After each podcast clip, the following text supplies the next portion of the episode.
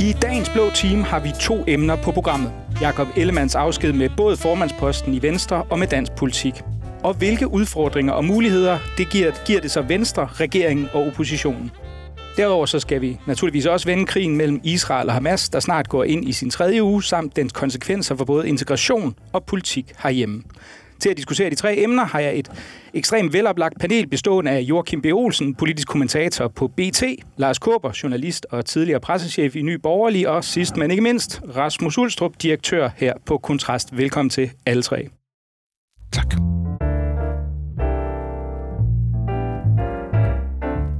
Jakob Ellemann skulle ikke videre. Han skulle hjem. Det annoncerede han mandag til en pressekonference, hvor han erklærede, at han var færdig som både partiformand og med dansk politik i det hele taget. I sit egen udlægning, der stod han nemlig i vejen for partiets succes, så ved at tage sig selv ud af ligningen, har han dermed gjort det muligt for Venstre at komme videre. Så før vi ser nærmere på, hvad det kommende forsmandsskifte vil betyde, så vil jeg egentlig gerne høre, hvad der gik så forfær- forfærdeligt galt for Jakob Ellemann Jensen, Lars Kåber. Jamen, der gik jo det galt, at han overtog jo øh, et øh, parti i oprør. Og øh, det er jo et svært udgangspunkt at have, hvor øh, den tidligere formand er hoppet ud af et vindue og kørt væk i vrede, og næstformanden stiller sig grædende op og siger, nu dur han heller ikke til noget mere. Og så kommer han ind som, øh, så at sige, øh, en nødløsning, øh, taget ned fra hylden, uden en egentlig plan for, hvad han vil med partiet, og uden en egentlig plan for, hvad han, hvad han er oppe imod. Og øh, det var jo svært dengang. Og øh, så sker der jo det i politik, når der kommer så en ny leder til, jamen så er der rigtig mange, der river og flår i en og siger, nu skal du gå den vej, nu skal du gå derover, nu skal du mene det her, nu skal vi profilere os her. Og øh, i det spil, som han blev kastet ind i, der tror jeg ikke, at han nogensinde nåede at finde sin egen ben, øh, og kom derfor så også til at, at lave så mange fejl, at øh, han til sidst jo var blevet så rundtosset, så han ikke selv kunne følge med. Så rundt så, altså han ikke kunne følge med, Joachim? Jamen, jeg er meget enig i den analyse. Altså, jeg synes bestemt, det hører med til historien, at der er formentlig ikke ret mange formænd i dansk politisk historie, der har fået så svært et udgangspunkt at få succes fra som Jakob Ellemann. Det synes jeg. Det, det, det, det skylder man at sige. Men når det er sagt, så er jeg også enig i, at jeg synes, han gjorde mange ting værre for sig selv. Jeg synes, at de sådan forsøg, han gjorde på selv at sætte en retning, og hvor man kunne mærke ham, øh, i hvert fald for mig, viste, at han, han ikke var den rigtige til at være leder af Venstre. Altså de her forsøg på at for eksempel nærme sig, hvad skal man sige, sådan en... Øhm, øh, lidt populært sagt, sådan radikale venstre. Øh, sådan mere det der meget, meget byliberale, øh, global udsyn, øh, måske et opgør med lidt den stramme udlændingepolitik. Måske ikke, at han sagde det, men det var det, man fornemmede, at det var der, han lå, og der tror jeg, folk fornemmede rigtigt. Øh, det, det tror jeg var et helt forkert sted at lægge sig. Og så tror jeg simpelthen også, at han ikke evnede altså at komme med et politisk projekt, som han kunne få Venstre med på, men heller ikke et, der kunne samle Blå Blok. Og hvis man gerne vil være det store dyr på savannen, så er man nødt til at kunne formulere et projekt, som de andre kan se sig selv i. Ja, jamen jeg, jeg er meget enig i det, der bliver sagt. Han, han, han løb jo ind i den første store problem, nemlig at Støjberg, hun jo smuttede, øhm, og tog den del af Venstre, der var tilbage i, i, i den lejr med sig, efter Lykke han var smuttet, og havde taget den anden del af Venstre med sig, så stod Jacob Ellemann så tilbage. Og så synes han jo, at han skulle det han ligesom sagde, var tilbage til rødderne. Og jeg, jeg tror, mange venstrefolk ikke helt forstod de rødder, han troede, det var at vende tilbage til, nemlig et sådan moderne, øh, radikalt byvenstre, er nok ikke det, man forbinder med at vende tilbage til rødderne af venstre. Øh, og så fik han jo, han stod jo også lidt i det problem, at han, han kørte jo ikke videre på Lars Lykke. Lars Lykke havde jo lanceret det op til valget øh, i 19, ikke med en regering hen over midten.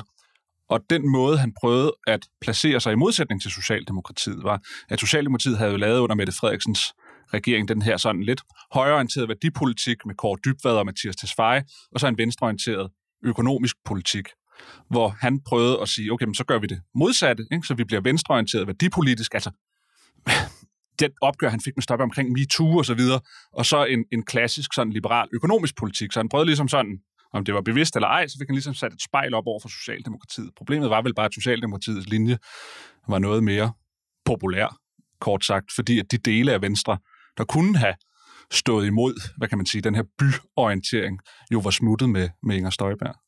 Jeg synes, man bare må sige, altså en linje, hvor man sådan går til venstre i værdipolitikken, og så bliver sådan mere liberal i den økonomiske politik, altså det har aldrig nogensinde været nogen øh, vinderstrategi. Det er altså, man tager nærmest de to mest upopulære synspunkter i den øh, brede øh, borgerlige befolkning, øh, og så er det klart, så mislykkes man. Ja, altså det, hvis man Altså, det var jo ikke for sjov, jo han stillede sig op i rullekravsvætter og sneakers ved siden af Morten Østergaard. Det var jo et signal, han bevidst valgte at sende. Øh, fordi han ville bringe Venstre i den der retning. Ikke? Det var jo sådan noget Alers filosofi, som øh, han blev så besnakket af, også i gruppelokalet hos Venstre, om at det var der, at fremtiden lå.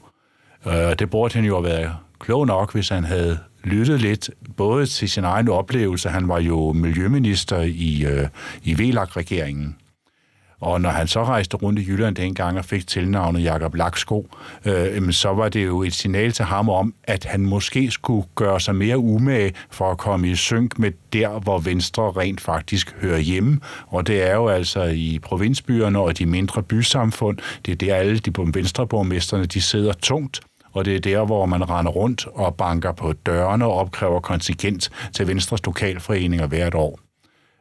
Men det lyttede han ikke efter, og det øh, er jo en stor fejl, hvis man skal være partiformand for et parti, som gennem 150 år har, har funderet sig i, i det mere provincielle og folkelige Danmark. Ikke? Så det, der var, der var han helt galt afmarcheret. Og så var han jo også det var jo også forkert af ham, at han først øh, gjorde Inger Støjberg til øh, næstformand, øh, hvor han jo udmærket godt vidste, at der var en instrukskommission, som øh, på et eller andet tidspunkt jo ville komme ud og, og anbefale, at der skulle føres en rigsretssag. Altså, det var jo ikke nogen hemmelighed. Altså, alle, der havde forstand på de der ting, vidste godt, at det kunne kun gå en vej, og det var den vej, som det også kom til at gå. Og i stedet for så at holde fast i sit oprindelige med, at, øh, at hun selvfølgelig skulle frikendes, hun havde ikke gjort noget forkert. Det havde været den gamle regerings holdning. Øh, før flertallet skiftede, jamen så valgte han jo så at stå hånden af hende.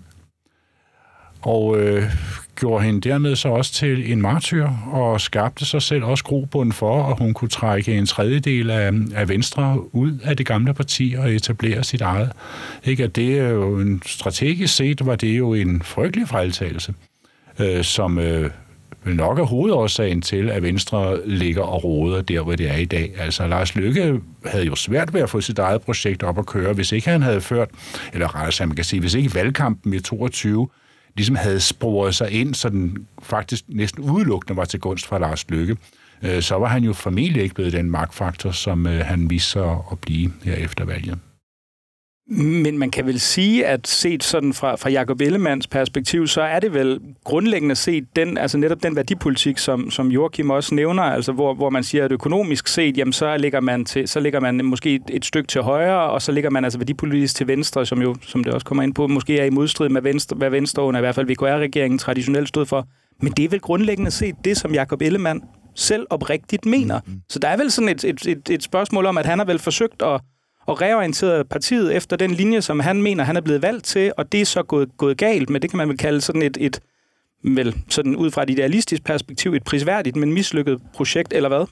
Ja, både ja og nej, fordi at, man kan sige, det det, jeg synes, han, han manglede, det var at kunne forklare helt præcis, hvorfor man så skulle ligge der. Altså en ting var, at man kunne komme med nogle øh, øh, politiske udspil på skatteområdet. Øh, det gjorde man også under valgkampen. Men, men jeg synes, der manglede at høre, at man manglede at høre fra ham, hvorfor er det her det rigtige. Altså manglede den der fortælling. Det blev igen sådan noget med, øh, synes jeg i hvert fald, at, at øh, Venstre har siddet i, i regering i, i mange år, og øh, man, skulle helt, man tænker på den der måde, som man kommer til at gøre, når man sidder i regering, at det, her, det er noget, der skulle kunne lade sig gøre, det er noget, vi skal kunne få embedsmændene øh, med på. Og der var ikke nogen sådan overordnet fortælling ligesom Torne, hun havde med Arne pension og så videre, det var lige, hun havde en fortælling, øh, hvorfor det her det var rimeligt. Øh, ligesom Alex Vandopslag sådan set også er god til nu. Der er, en, sådan en, en, en, der er nogle værdier bagved. Man mm, fornemmede aldrig, synes jeg, at Ellemann sådan set var tung nok, sådan ideologisk, stærk nok ideologisk, til at han kunne ud og forklare, hvorfor er det her den rigtige vej. Og hvis du kan få folk med på følelserne, så kan du heller få dem med på, politikken? Nej, altså det største slagnummer, som Venstre kunne komme op med op til valgkampen i 2022, øhm, det var jo, at der skulle være et friplejehjem i alle kommuner. Altså, hvis ikke man har stærkere bud på indretning af samfundet, en mere borgerlig-liberal retning end det, jamen, så har man netop ikke et egentligt projekt at komme nej, med. Nej, der var også det her med, at flere skulle have bo i egen bolig, altså være ejer, som jeg synes var rigtig set. Altså, det var borgerligt, og det var sådan set også populært. Altså, hvis du spørger danskerne, så ved de gerne det. Men så, så blev det sådan noget totalt teknokratisk øh, forslag om et, et fradrag og en opsparingskonto og, og så videre, hvor man bare siger, så de gik bare ikke hele hjertet ind i det. Øh, og så, Ja, der synes jeg, der tabte de faktisk noget, som jeg tror, der var noget i. Men ikke noget, der kunne vinde et valg, men hvor der var en dagsorden, som der var noget ræson i. Jeg kan huske, at han blev, blev formand, jeg tror, det var i Deadline, hvor han lancerer den her, så at sige, strategi, eller hvad vi skal kalde det, gåsøjne med at vende tilbage til det, han mente var rødderne, hvor han siger, det kan godt være, det ikke er populært, men det er det rigtige at gøre. Og det var sådan en, sådan en manifestation af, at nu vil han til sådan en, ikke en klassisk liberalisme, men sådan en,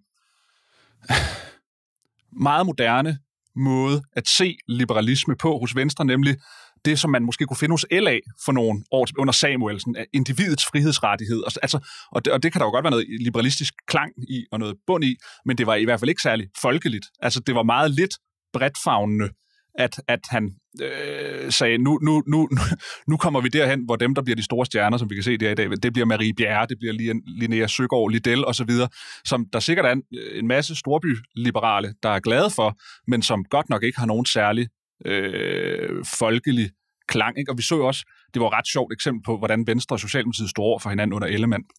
Ja, vi fik det her med barselsreglerne øh, fra, dikteret fra EU, hvor Mette Frederiksen gik ud og sagde, grundlæggende, jeg er imod det, men vi er nødt til det, fordi det kommer fra EU, så der er ikke så meget at gøre. Hvor i modsætning til det, så sendte Jakob Ellemann Janne Jørgensen ud, eller også gjorde han det egen vilje, han blev i hvert fald ikke i rettesat, og så sagde Janne Jørgensen, det er godt, fordi normerne ændrer sig for langsomt, så nu bliver vi nødt til at lave lov om det, fordi det går for langsomt med ligestillingen. Altså, der skete et markant skift væk fra en folkelig funderet liberalisme hen til en meget moderne liberalisme, hvor, hvor, hvor man nærmest kan sidde og tænke, at det kan være, at han gik ud, at hans idé var, at nu skal vi tage så mange radikale vælgere som muligt, fordi vi, vi kan i hvert fald ikke få de andre. Det, han gik i hvert fald ikke efter dem.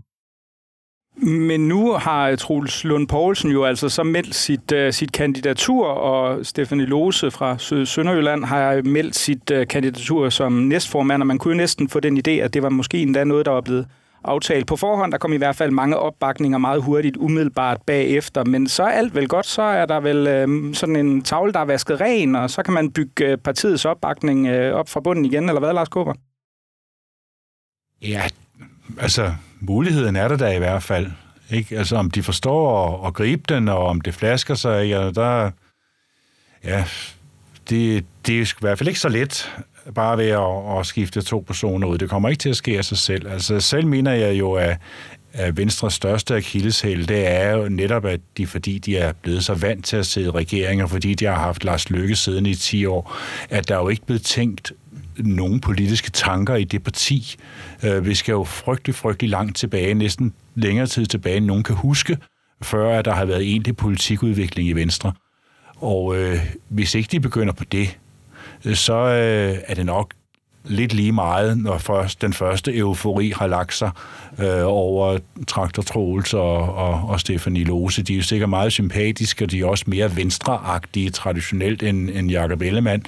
Men øh, hvis ikke, at de får gang i det der med at udvikle policy og diskutere, hvor pokker skal vi basere os hen, og hvad kan vi tilbyde til danskerne, og hvor er det, at så at sige skoen trykker i, øh, i 2023 i forhold til egentlig borgerlig, folkelig venstrepolitik, øh, så øh, kommer det ikke til at lykkes bedre for dem heller. Men altså, ironisk nok, så er det jo så det, der nærmest bliver hans øh, Waterloo, ikke? Fordi at, øh, altså det, der ligesom, i hvert fald, er det i hvert fald mange analyse i Venstre, altså får dråben til at, at flyde over, ikke?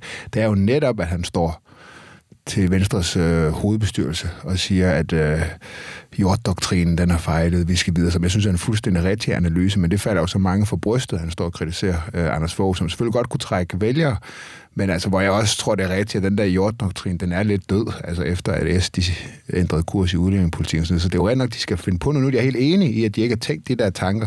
Men da han så, da han så siger noget om det internt, så, så, så bliver de så, så skide sure på ham, øh, at der er nogen af dem, der synes, han, han ligesom skal, skal gå af. Men det var også bare, det var bare for sent. Øh, på, på det tidspunkt. Det og der han var hans sagt, han autoritet, tiltrådte. der var hans, ja præcis, der var hans autoritet væk. Jeg vil sige, i forhold til Troels Lund, altså et, et af Ellemanns problemer, det er jo været bare sådan ganske en kompetencespørgsmål. Altså har han simpelthen evnerne øh, til det her?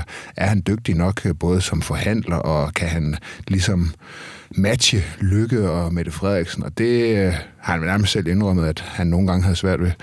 Det gjorde han også på det afsluttende pressemøde. Øh, og der kan man sige, at det problem, det er de ude over nu. Altså det synes jeg, de får løst. Nu, nu får de en i spidsen, som kan matche øh, de to. Spørgsmålet er jo så, om, om han, altså, og ja, det er jo også lidt ironisk. Altså, hvis nogen, der har været bag den her SVM-regering og være arkitekt bag det, så er det jo Troels Lund.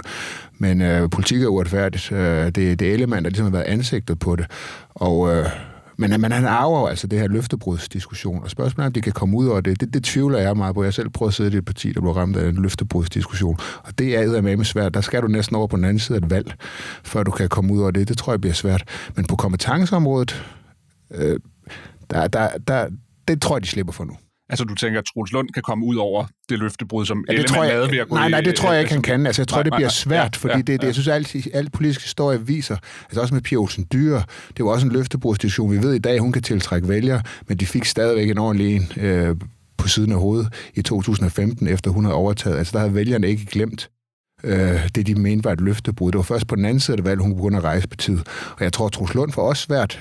Altså, han arver det her løftebrud. Det er svært for ham at stå i egen ret, før han er på den anden side af et valg. Men bare lige på kompetenceområdet, det, det er, at de nu har en formand, som faktisk kan matche de to andre, i hvert fald i et forhandlingslokal. Øh, det, det, det er en styrkelse, synes jeg. Altså nu, nu spørger jeg bare, fordi jeg er jo ikke lige så meget øh, hvad kan man sige, erfaring, som, som, som, som I har med, med politik. Men er det fordi Troels Lund, han er udefra set for mig, så er han sådan en lidt kedelig teknokrat-type. Han er sådan vamme, Venstres vamme, hvis man kan sige. Så det er sådan det billede, jeg har op i mit hoved. At man, han er sådan en, man kan trække op, og så kan han bare køre uendeligt. Det er ikke ham, der går ned med stress i hvert fald, fordi han, han, han, han kan køre det så professionelt simpelthen. Altså er det det, du mener med, at han kan matche? han, er, han er en det, dygtig det, professionel. Det, det, han har den der øh, snuhed og fornemmelse for, hvor et forlig, øh, et kompromis, det skal ligge, øh, for at Venstre kan komme ud af det. Altså, øhm, ja, så det er det, jeg mener. Altså, han er en dreven forhandler. Han er sådan en, der kan få øh, en forhandling til at lykkes. Øh, Han er også sådan en, der kan forpure en forhandling totalt, hvis det er det, der skal til. Altså, det, han, han, han kan spillet, øh, og han kan matche de to andre. Ligesom når, når dørene er lukket, ikke, så er han ret uforlignelig. øh, det er, når han skal op foran tv-kameraerne, øh, så, så bliver det som regel, fordi at brillen sidder skævt. Det er det, man husker bagefter, ikke? Og ikke øh, så meget det, han har sagt. Altså, det, det er hans det er hans problem, ikke? Det er, at han, han kan ikke begge dele, ikke? Det må man så håbe på, at øh, uh, Stefanie Lose, som jo åbenbart også kender at være minister, at uh, hun uh, i større omfang kommer til at, at løfte den opgave, og også får noget med præsentation af policy og, og profil og sådan noget for hele partiet. Men jeg synes også bare, man skal huske, det er svært at forudse, hvordan øh, en, f- en politiker klarer opgaven med at blive formand. Altså det der med at komme i spidsen. Altså der er ved Gud mange gange, hvor man har tænkt, selv da Anders Fogh kom til, der sagde folk, det der, det kommer aldrig til at gå. Han er en træmand, han er overhovedet ikke folkelig, og så videre. Og det kom til at gå helt øh, fantastisk. Poul Nyrup var det samme. Jeg troede heller ikke, at det ville blive godt for Socialdemokratiet, men det blev da okay. Øh, så så det, de der er jeg helt enig med dig, øh, men, men øh, Lars, men, øh, men nogle gange så folk, det der er lidt problematisk for dem, når de er ordfører, øh, det kan gå hen og blive en styrke for dem, når de bliver øh, formand, så kan det blive sådan lidt, Altså, det kan godt blive en fordel, at han er lidt kikset eller sådan noget nogle gange, fordi så bliver det sådan, hvis, hvis han ellers får det til at virke, og han, han, øh, han får gang i den der fortælling, og formået at forklare, at de får nogle resultater igennem.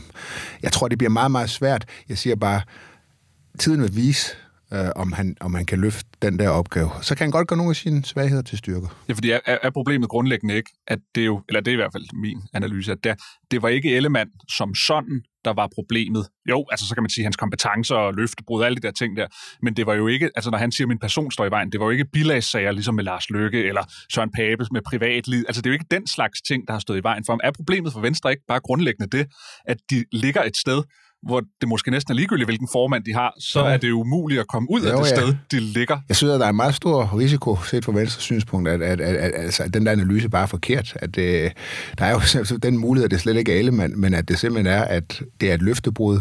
Det er et, øh, simpelthen noget med identifikation for vælgerne. De kan ikke se sig selv, øh, i, at de skal være i regering med Socialdemokratiet. Så sådan nogle ting betyder utrolig meget. Så kan du snakke nok så meget om, at at man får en tusse mere om måneden, hvis man betaler topskat og sådan noget. Øh, knap og nap. Men, øh, men øh, du ved, det, det er sgu ikke sikkert, at det, det der De kommer jo i hvert fald ingen vegne, uden at de er i stand til politisk set at få taget livet af Inger Støjberg igen. Nej. Altså hvis ikke de kan få fænomenet Inger Støjberg til at gå væk, eller i hvert fald blive meget mindre, men så øh, kan Venstre jo ikke blive større fordi at øh, de får dem jo ikke sådan lige fra ærende fra LA igen. Altså, hvorfor i alverden skulle man føle sig for en ledig, hvis man er over hos Liberale Alliance nu, til at gå tilbage til, øh, til venstre, selvom ja, jeg, har været der engang. Jeg sige, altså man skal også, øh, og jeg er meget skeptisk, om det kommer til at lykkes, men man kan sige, Torning, hun blev altså også ramt af en voldsom løftebrugsdiskussion, øh, da hun kom til, og de kom ned omkring, ja, jeg tror, de var nede af bunden omkring 14-15 procent i det dårligste mål, hvilket jo svarer til relativt til, til deres venstre har nu, når de er nede og ramme 8-9 procent. Ikke? Og hun kom trods alt tilbage, så det er ikke fordi, at det er ikke fordi, der ikke er en vej tilbage. Den er svær at se lige nu, og jeg er meget skeptisk øh, på deres vegne, men det, der er i hvert fald præcedens for, at, at det godt kan lade sig gøre at komme tilbage fra, fra virkelig alvorlige løftebrudsdiskussioner. I forhold til de udfordringer, som øh, øh Troels Lund i givet fald, han bliver formand, hvad han jo nok gør, kommer til at stå over for, der tror jeg, at de fleste vurderer, at det bliver indførelsen af den her CO2-afgift, som er beskrevet i regeringsgrundlaget, der kommer til at blive den primære. Og der sagde Jacob Ellemann jo ved, ved sin fratrædelse, at han havde en formodning om, at uh, Troels Lund vi videreført lojalt i forhold til regeringsgrundlaget. Men, uh, men hvad tænker du i forhold til, til det her ret penible spørgsmål, Lars Kåber? Altså, jeg er ikke øh, så nervøs på Venstres vegne for den der CO2-afgift, fordi uh, det er selvfølgelig en tung sten at bære rundt på nu, fordi det står i regeringsgrundlaget, men på den anden side, det kan kun blive bedre herfra. Fordi uh, ude i landvenstre, der betragter man nærmest som om, at det er en dødsdom over dansk landbrug. Men sådan ender det jo ikke. Landbrugets egne organisationer, de har jo allerede accepteret, at der kommer en CO2-afgift i en eller anden form. Så det bliver jo, hvordan den bliver sammensat. Det er det, der bliver afgørende for, om, øh, om Troels Lund så får ros. Og det kan han jo godt ende med at få fra de her mennesker ude i landvenstre. Hvis han sørger for, at CO2-afgiften i kroner og øre ikke bliver så voldsom som den for industrien, hvis han sørger for nogle gode incitamentstrukturer i de penge, der så skal tilbageføres til landbruget, og hvis man ligesom kan dokumentere ud fra de beregninger, som man så kommer til at lægge til grund, at øh, den animalske produktion i Danmark ikke behøver at blive mindre, men faktisk godt kan fortsætte som den stærke eksportvirksomhed, især for Arla, ikke som det er i dag. Så det kan godt gå hen og blive en succeshistorie for, for Troels Lund, fordi at det jo nok hele tiden har ligget i kortene, at Venstre skulle have noget på den her CO2-afgift, så ikke den bliver så slem. Og så synes jeg også, at han er bedre til at forklare det, end Ellemann var. Fordi når Ellemann spurgte ind til den her CO2-afgift, så gik det jo meget på nødvendigheden af den, og den grønne omstilling, og, og Danmark skulle være med, og klimaudfordringer, det ene og det andet. Hvor Troels Lund, han er jo mere på at sige, at den her den var kommet alligevel. Der var et, der er et massivt flertal i Folketinget for en CO2-afgift. Øh, det vi kan gøre, han går fra eller til, så det er bedre, at vi ser med i lokalet. Altså han er ikke, han, han, der, der taler han ikke han taler ikke om nødvendigheden af klima ja, så og alt det der. Han, han, den ideologisk, så kan han sige, det, det, det, er noget, der kommer, vi er ikke for, men, men altså sådan... Ja, altså, det er bedre, vi er der, vi kan gøre det og mindre han bruger det jo så også som en legitimering af, det hele taget Venstre er i den regering. Fordi hvis ikke de havde været der, så ville det her være blevet meget værre. Ikke? Altså, den øh, kan godt sive ind ude i landvenstre siger, at det har han nok ret i, at ja. det her det kunne være blevet meget værre. Men den fortælling, den, det, er jo, det mener altså et af de helt store problemer for Venstre. I hvert fald, øh, altså hele fortællingen om, at hvis de ikke har siddet i regeringen, så har de ikke været med. Altså, der er bare huske, at Socialdemokratiet har aldrig nogensinde lavet en aftale udenom Venstre på CO2-afgift. Det er jo de overhovedet ikke interesseret i. Ligesom at Venstre var kommet til at være med i masser af aftaler, skatteaftaler, reformer osv., hvis de har stået uden for regeringen. Altså, Ellemann jeg mener, hans, hans store fejl, det er at gå med i regeringen, Det er, og det er for, og fortælling om, at hvis de ikke har gjort det, så er det bare blevet fire år med rød politik. Det var det ikke blevet. Altså, den, Mette Frederiksen havde ændret kurs. Han, han missede en enorm mulighed for at kunne gå ind og ud af den der glasdør i Finansministeriet og lave aftaler om reformer, om skat, om CO2 og det hele. Det, det er deres store fejl. Det, det mener, og det er selvfølgelig kontrafaktisk, men jeg synes bare, alt i solmål og stjerner tyder på, at Mette Frederiksen hun har lagt stien om. Det gjorde hun allerede inden valget. Og det kunne hun ikke gå tilbage på. Men er der ikke noget paradoxalt ved, at, at man kan sige, at nu, nu har, altså efter de her to afskalninger fra Venstre, som vi har i form af Moderaterne og så Danmarksdemokraterne, hvor, hvor man kan sige, at Danmarksdemokraterne repræsenterer den mere jyske, streg landbrugsvenlige fløj, altså så kunne man jo næsten sige, at for Venstre ville det vel være en oplagt situation at gå ud og sige, jamen hvis vi fuldtonet skal være det her urbane liberale parti, så er det vel der, vi på en eller anden måde må acceptere, at vi kan ikke stå på, altså vi kan ikke skrive over begge de her to fløje, uden at bukserne revner, så nu bliver vi nødt til at... Så skal de også acceptere at være et parti på 7-8 procent, fordi alle, alle partier, der, der har ligget derinde, øh, de er ikke over 10 procent, nogle af dem. Altså, det vi kalder midterpartier er små. Det er de historisk set, fordi de skubber lige så mange vælgere væk, som de, som de tiltrækker. Så jeg tror, hvis Venstres ambition er at være det store, førende borgerlige parti, så skal de ikke lægge sig der. Øh, og der er jo også masser af konkurrencer inde på den midte.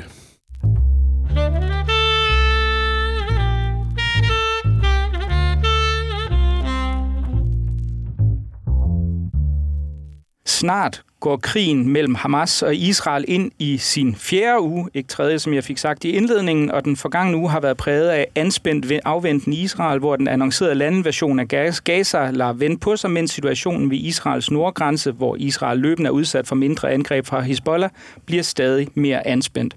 I Europa og Vesten, der har man set enorme massedemonstrationer fra pro-palæstinensisk side, og i København demonstrerede anslået 15-20.000 under en demonstrationsindkaldelse, underskrevet blandt andet lokale afdelinger af Enhedslisten og 3F, der viste en Hamas-bulldozer, som vælter hegnet ind til Israel forud for massakren på mere end 1000 civile, samt et kort, hvorpå Israel er udslettet.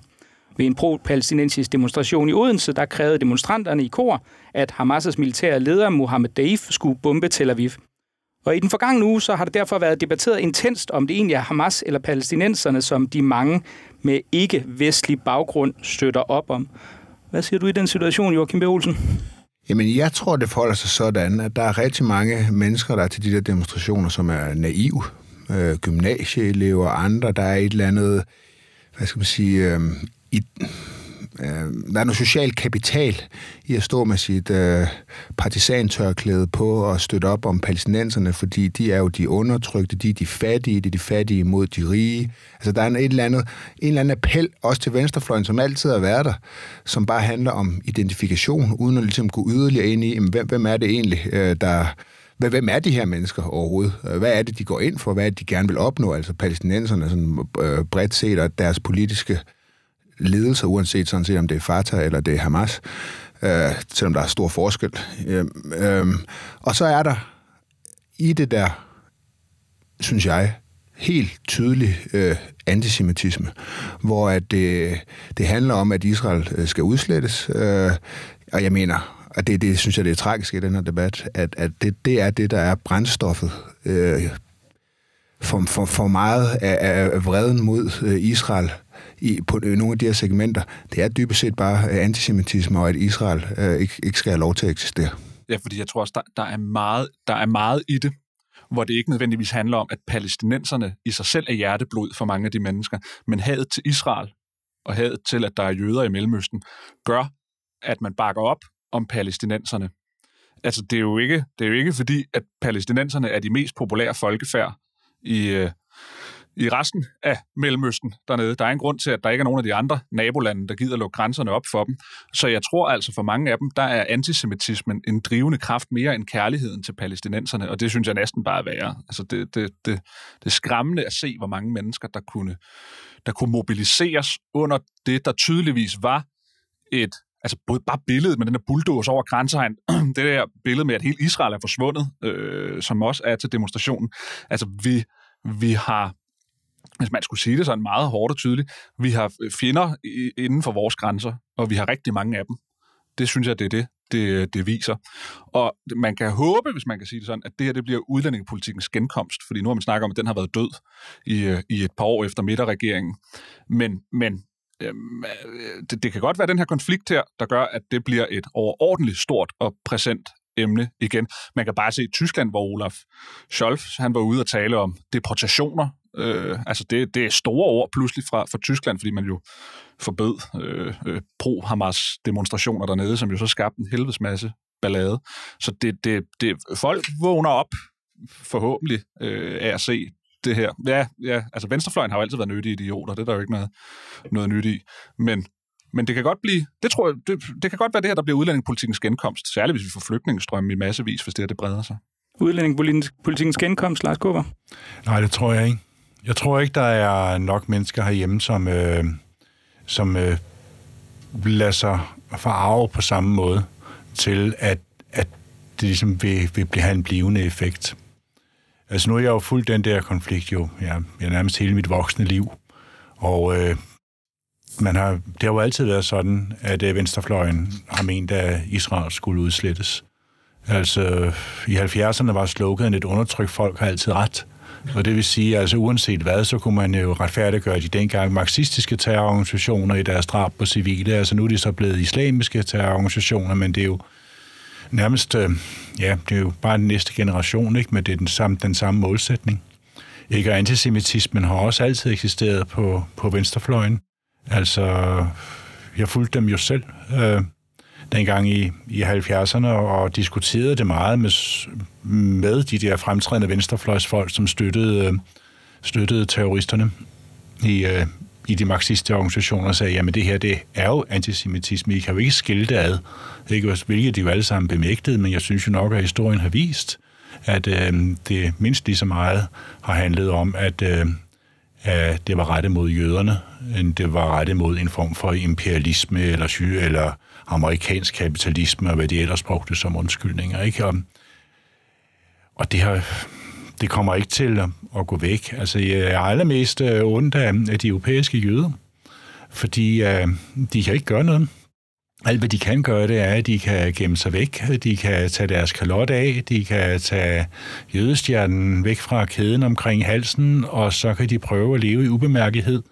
Men de kan jo ikke færdes frit længere i det offentlige rum. Øh, måske hverken, i hvert fald ikke i lande som Frankrig og i England og i, nu heller ikke i Tyskland og formentlig heller ikke i Danmark. Altså, det, hvad er det? Er det 10 år siden, at Rasmus Jarlov arrangerede sådan en, øh, en march øh, gennem Nørrebrogade, som i og for sig var meget fredelig, men det ændrede jo ikke noget. Det var, hvor de havde kalotter på, og ja, ja, Martin Krasnik gjorde noget tilsvarende. Ja, ja, ja, vi tog kalot på og gik hjem, og der skete jo ikke noget. Politiet var der, ikke? men øh, hvis man en fredag øh, kommer gående på vej fra synagogen, og man skal gå hjem, og man bor på Nørrebro, jamen så er man nødt til at tage kalotten ind, når man nærmer sig dronning Louises bro. Altså, det kan simpelthen ikke lade sig gøre. Men jeg skal bare lige understrege det der, men når man siger som, jeg tror, hvis nogen sidder og lytter på det her program, øh, ude på den fløj, så tænker de, ej, hvor er det noget pjat, og det kan ikke være rigtig kritik af Israel, det skal sættes i bås med antisemitisme. Det, det, er jo ikke det, det er jo ikke det, der er nogen, der siger. Selvfølgelig, øh, Israel er et demokratisk land. Øh, de har forskellige skiftende regeringer, der har forskellige beslutninger. Dem kan du, selvfølgelig kan du være uenig øh, med de beslutninger, der bliver taget i, i Israel. Når jeg, det, jeg siger, det er, at i den, i, i, i den der i, hos palæstinenserne, hos araberne, der skal man være opmærksom på, at der er glødende antisemitisme. Jeg talte med en den anden dag, der rejser meget rundt dernede i arabiske lande, sagde, at du kan ikke gå ind i en boghandel noget sted i Arabien, uden at finde en, en oversat version af Mein Kampf. Altså, der er antisemitisme, og, øh, og det, det er det, jeg synes, man bare er utrolig blind overfor øh, på, på venstrefløjen, og hos de der mange mennesker stiller op til de der demonstrationer på nær dem, der så selv er antisemitter. Men kunne man ikke lave et argument for, at der trods alt er noget, der har forrykket sig en lille smule? Fordi nu kan man sige, at Venstrefløjen har igennem mange år siden 1993 holdt demonstrationer for krystalnatten inde på Kultorvet, og der har alt, hvad der kunne kravle og gå af, af NGO'er og forskellige andre ting med affiliation til, til, til den yderste venstrefløj, ligesom stillet op og typisk under nogle paroler om, at vores regering og udlændingepolitik var dum, ligesom enten foregivet eller markeret krystalnatten efter, alt efter, hvordan man begynder at betegne det. Nu har Frederik Vad, socialdemokratisk folketingsmedlem, så indkaldt i samarbejde med det jødiske samfund i Danmark til mm-hmm. en krystalnatsmarkering, som er fuldstændig afkoblet fra venstrefløjen. Det er en fakkel, fakkelmarsch mod øh, hvad det hedder, øh, antisemitisme. Øh, Senja Stampe fra De Radikale lavede et opslag, hvor hun sagde, at det vil hun deltage i. Og det tror jeg kom bag på, måske hende, men i hvert fald rigtig mange andre, fordi resultaterne på den her sympatierklæring, som det var jo vidderligt ikke andet, sige, Signe Stampe sagde, jeg kan ikke lide antisemitisme, derfor vil jeg støtte det her. Der så man en meget, meget massiv reaktion. Og man kunne vel måske godt mene, at der skete et eller andet på, på centrum venstre, hvor, ja. hvor det går op for folk, hvad måske det er, man er kommet til at det er sådan noget. fuldstændig, altså centrum venstre i Socialdemokratiet, helt enig. Uh, jeg synes, det er et, et kæmpe store lyspunkter i den her debat at se folk som Frederik Vad, Kåre Dybvad, øh, Rasmus Stockholm, øh, andre, Mette Frederiksen selv i øvrigt også, altså ligesom være så entydig og fuldstændig opmærksom på den her antisemitisme. Øh, så det, det, det, når jeg taler om venstrefløjen her, så er det ikke Socialdemokratiet, jeg mener. Selvom jeg måske godt nogle gange har tænkt, at der sidder 50 medlemmer af den folketingsskole, og måske nogle flere, der godt kunne, kunne gå med der. Men, men det ændrer ikke på, at, at ledelsen og fremtiden i Socialdemokratiet, de har, de har markeret sig ret klart, og det synes jeg, vi tjener kæmpe ros for. Men Lars, når du nævner, at det ikke ændrer noget, tænker du ikke, at folk som trods alt, hvis Senior Stampe nu trods alt melder ud, at hun går ind fuldtonet i en, i en fakkelmarsch mod øh, antisemitisme, og, og så tager det flag, som der åbenlyst kommer fra ting, som måske er lidt tættere på hendes normale politiske ståsted. Det er vel noget nyt, eller hvad? Nej, der er også rimelig meget feel good i at, at, at gå imod antisemitisme, og det kan man sagtens gøre som radikal. Øh, det ændrer sig jo først, når øh, refleksionen fra antisemitismen sætter sig over i en udlændingepolitisk vilje til handling. Fordi, at, øh, som Rasmus sagde, at øh, vi må jo erkende, at den indre fjende, som vi taler om her, øh, jo ikke alene har et værdisæt, som er forskelligt fra vores, men har et værdisæt, som øh, er så inficeret af en antisemitisme, så af en befolkningsgruppe som jøderne har rigtig svært ved at overleve i de vesteuropæiske lande. Og hvis ikke man tager de politiske konsekvenser af det, og sørger for at få dem fjernet fra territoriet, men så kan jøderne jo ikke være trygge. Så de er nødt til at forlade Europa og flytte til Israel. Så det er grundlæggende set enten de, ja. de store... Ja, og, og hvor er Senja Stampe henne, når det kommer dertil, når hun er færdig med at gå med sin fakkel? Stiller hun så, så ind i Folketinget og siger, at det her har været en ejeåbner for mig. Altså selvfølgelig så øh, kan vi jo ikke tillade at have en straffelov, som ser igennem fingre med, at man hylder terror. Vi kan jo ikke have en øh, udlændingelov, som øh, konsekvent følger internationale konventioner, så det giver ophold til øh, muslimske udlændinge, som både modarbejder demokratiske idealer og bryder vores lovgivning. Det må jo få nogle politiske konsekvenser. Og det tror jeg ikke et øjeblik på, at Senja Stampe kommer til at drage den konsekvens. Og så kommer det ikke til at være anderledes, fordi hvor skal presset så komme fra? Jamen det er også, fordi altså jeg kalder det en fjende, det er, jo, det er jo et meget, meget voldsomt ord at sige, at vi har en fjende i, i land, men, men det er det, jeg synes, der er tale om her, fordi det er jo ikke, det er jo ikke bare, om de får meget på overførselsindkomst, eller om deres arbejdsfrekvens er høj nok, eller om deres øh, koner øh, bliver udsat for social kontrol. Altså, altså der er tale om nogle mennesker, der gør det svært for en befolkningsgruppe i vores land at færdes frit, og i hele Europa. Altså det, det er så radikalt, meget mere voldsomt, det had, vi ser blusse op hos mange af dem, der er kommet til det her land her, end de almindelige diskussioner om arbejdsfrekvens og øh, social kontrol og alt muligt andet, som gør, at det, det, det, for mig er det på et helt andet niveau, altså det, jeg synes, man, man oplever her, at man kan samle 15-20.000 mennesker, efter man har lavet terrorangreb på folk, der er så modbydeligt, er, har i hvert fald for mig været nærmest chokerende øh, at se. Og det må man da håbe, at de større, sådan, hvad kan vi kalde det, venstreorienterede partier og andet, bliver, det bliver tydeligt for dem. Ja, og så er det jo bare altså, den her relativisering hele tiden. Altså, altså krig er frygteligt. Øh, det er frygteligt, at der dør øh, rigtig, rigtig mange gaser. der, i Gaza, der dør mange børn, fordi at det er en meget ung befolkning.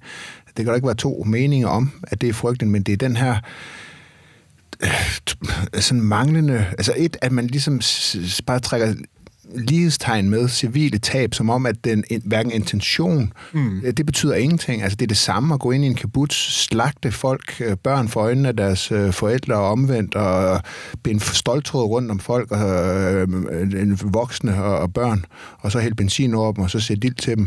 Altså, at det bliver ligesom sidestillet med en helt legitim krig, hvor der dør øh, og det gør der i alle krige, og det er super tragisk, og det er super frygteligt. Så krig er super frygteligt, altså det er, men hvor der er civile tab i forbindelse, det er der i forbindelse med alle krige, men det er den der sidestilling, Præcis. Øh, som jeg synes er fuld, altså det, det er absurd. Det, altså. det, fordi det svarer nemlig til, at man under øh, amerikanernes bombardement i Tyskland vil sige, at, at amerikanerne var de onde, fordi der døde altså flere civile tyskere, end der døde civile amerikanere i befrielsen af Europa. Og det ville jo være fuldstændig absurd at komme frem til, at det var nazisterne, der var de gode, og amerikanerne, der var de onde, fordi der døde flere tyske civilister, end der gjorde amerikanske. Altså, så har man jo ikke nogen forståelse for, at det handler, som du siger, om intentionalitet. Hvad er målet med det, man gør. At sende en bombe ned i hovedet på nogle nazister, og så dør der uskyldige civile, er ikke det samme som, at man målrettet løber hen for plukke civile. Altså, Nej, det er jo altså, helt åbenlyst moralsk forskel. Og sidestiller man skubber folk ind i, gaskammer med, at der dør øh, øh, øh, civile i forbindelse med, med, med bombninger. Man må sige, amerikanerne under 2. verdenskrig, de skånede i hvert fald ikke øh, civil på nogen som helst måde. Og man vil jo heller aldrig have...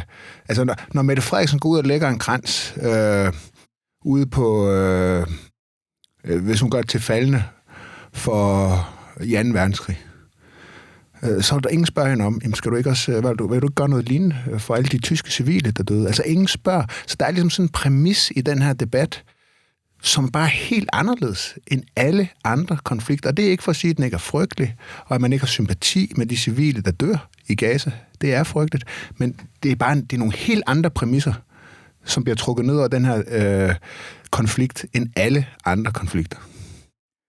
Her nærmer vi os langsomt programmets øh, slutning, men jeg kunne inden da godt lige tænke mig at høre, vi har jo snakket frygtelig meget om her i Den Blå Team, om øh, det her kommende koranafbrændingsforbud, som regeringen har, har annonceret, og nu kommer formodentlig til at genfremsætte, og rygterne siger jo, at det bliver med nogle indrømmelser til de radikale. Altså kommer det, kan det risikere at gå hen og være en, en tabersag og præsentere noget, der jo ret åbenlyst virker som, i hvert fald er mange, inklusive jeg selv, bliver udlagt som et, et knæfald for islamisterne i den her situation? Eller, eller er det noget, der kommer til at gå under radaren? Hvad siger du, Lars?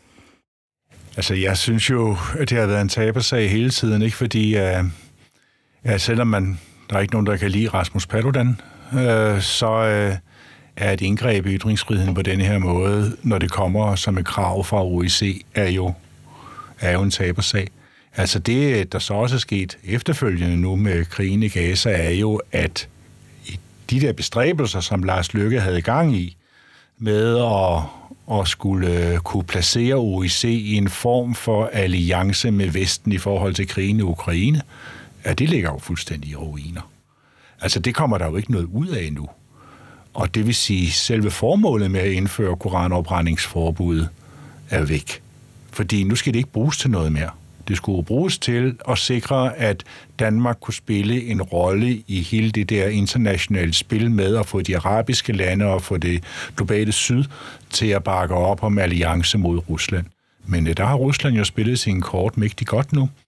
Ikke fordi de har haft noget at gøre med selve angrebet den 7. oktober, men de har spillet deres kort efterfølgende godt, øh, således at øh, det ikke længere er muligt at samle den alliance. Vi kan se det, der foregår i FN i de her dage, hvor den ene resolution efter den anden bliver stemt ned, fordi det globale syd øh, jo mere lytter til, hvad de siger i Kina og i Rusland, end hvad de siger i USA og i Vesteuropa. Ikke? Så det, på den led, så kan de lige så godt trække forslaget og sige, at ved det, det putter vi ned i skuffen, ikke? Altså, fordi der er ikke nogen grund til at, at, frem, at fremture. Men jeg synes, jeg synes faktisk noget, der er endnu værre lige nu øh, end det her. Øh, det, det er, at øh, man har en regering, altså en Lars Lykke, nu, en Lars Lykke, som går ud og siger, ja, men når den her konflikt er overstået, så skal vi også til at se på den der to-stags-løsning. Ja, ja, Altså, jeg ja, mener, Ja, hvor, hvor, hvor, altså, jeg, jeg, kan se, jeg er vildt farvet over det. Ja. Altså, hvis man, hvad, hvad, hvad sidder Hamas og tænker, når de hører det? Hvad, hvad sidder alle med tendenser til med sympati øh, dernede for, for terror og sådan noget og tænker, se, bare, kan bare se, det virkede. Det virkede det, og det er jo lidt det samme, ikke? Jeg synes bare, det er så vanvittigt.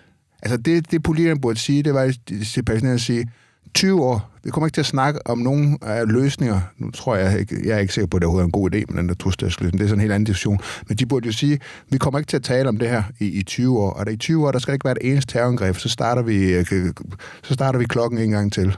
Og så kan vi vente 20 år igen. Altså, at man kan være så hjernedød, at man går ud på baggrund af det og siger, ja, men den der tostatsløsning, den skal vi da også lige have på bordet igen. Det er så vanvittigt. Det er da fordi, han ikke har opgivet sin ambition om at komme ind i varmen i OIC. Det er jo fordi, at den danske regering gjorde det til et højprioritetsområde, når de sender Barbara Bertelsen afsted til det ene møde efter det andet i den der kreds af lande, om at her skal Danmark have en stor diplomatisk succes. Ikke? Og, det, og det fylder rigtig meget. Du har selv været i Ja. parti med en udenrigsminister, og du ved, hvor meget de der små kommating, de pludselig fylder oven i hovedet på udenrigsministerielle embedsfolk. Der bliver jeg nødt til at lige... Anders Samus, der bliver jeg nødt til at sige, godt være, at mange ikke kunne lide ham, men han er den eneste udenrigsminister i nyere tid, som har sagt, nej, vi kommer ikke til at stemme for de der FN-resolutioner mod øh, Israel, som vi ellers automatisk bare øh, så ofte bare stemmer for. Ja, det er det fint. gjorde han faktisk noget, som jeg synes, han fortjener Ja, jamen, han havde endda et helt kontor derovre, som arbejdede. Det er det der med artikel 7-tingene i, uh, i Menneskerettighedsrådet. Det er det, vi brugte Menneskerettighedsrådspladsen til. Ikke? Så mange var ordene i dagens udgave af Den Blå Time. Lars Kåber, Joachim B. Olsen og Rasmus Ulstrup, tusind tak, fordi I kom. Sorry.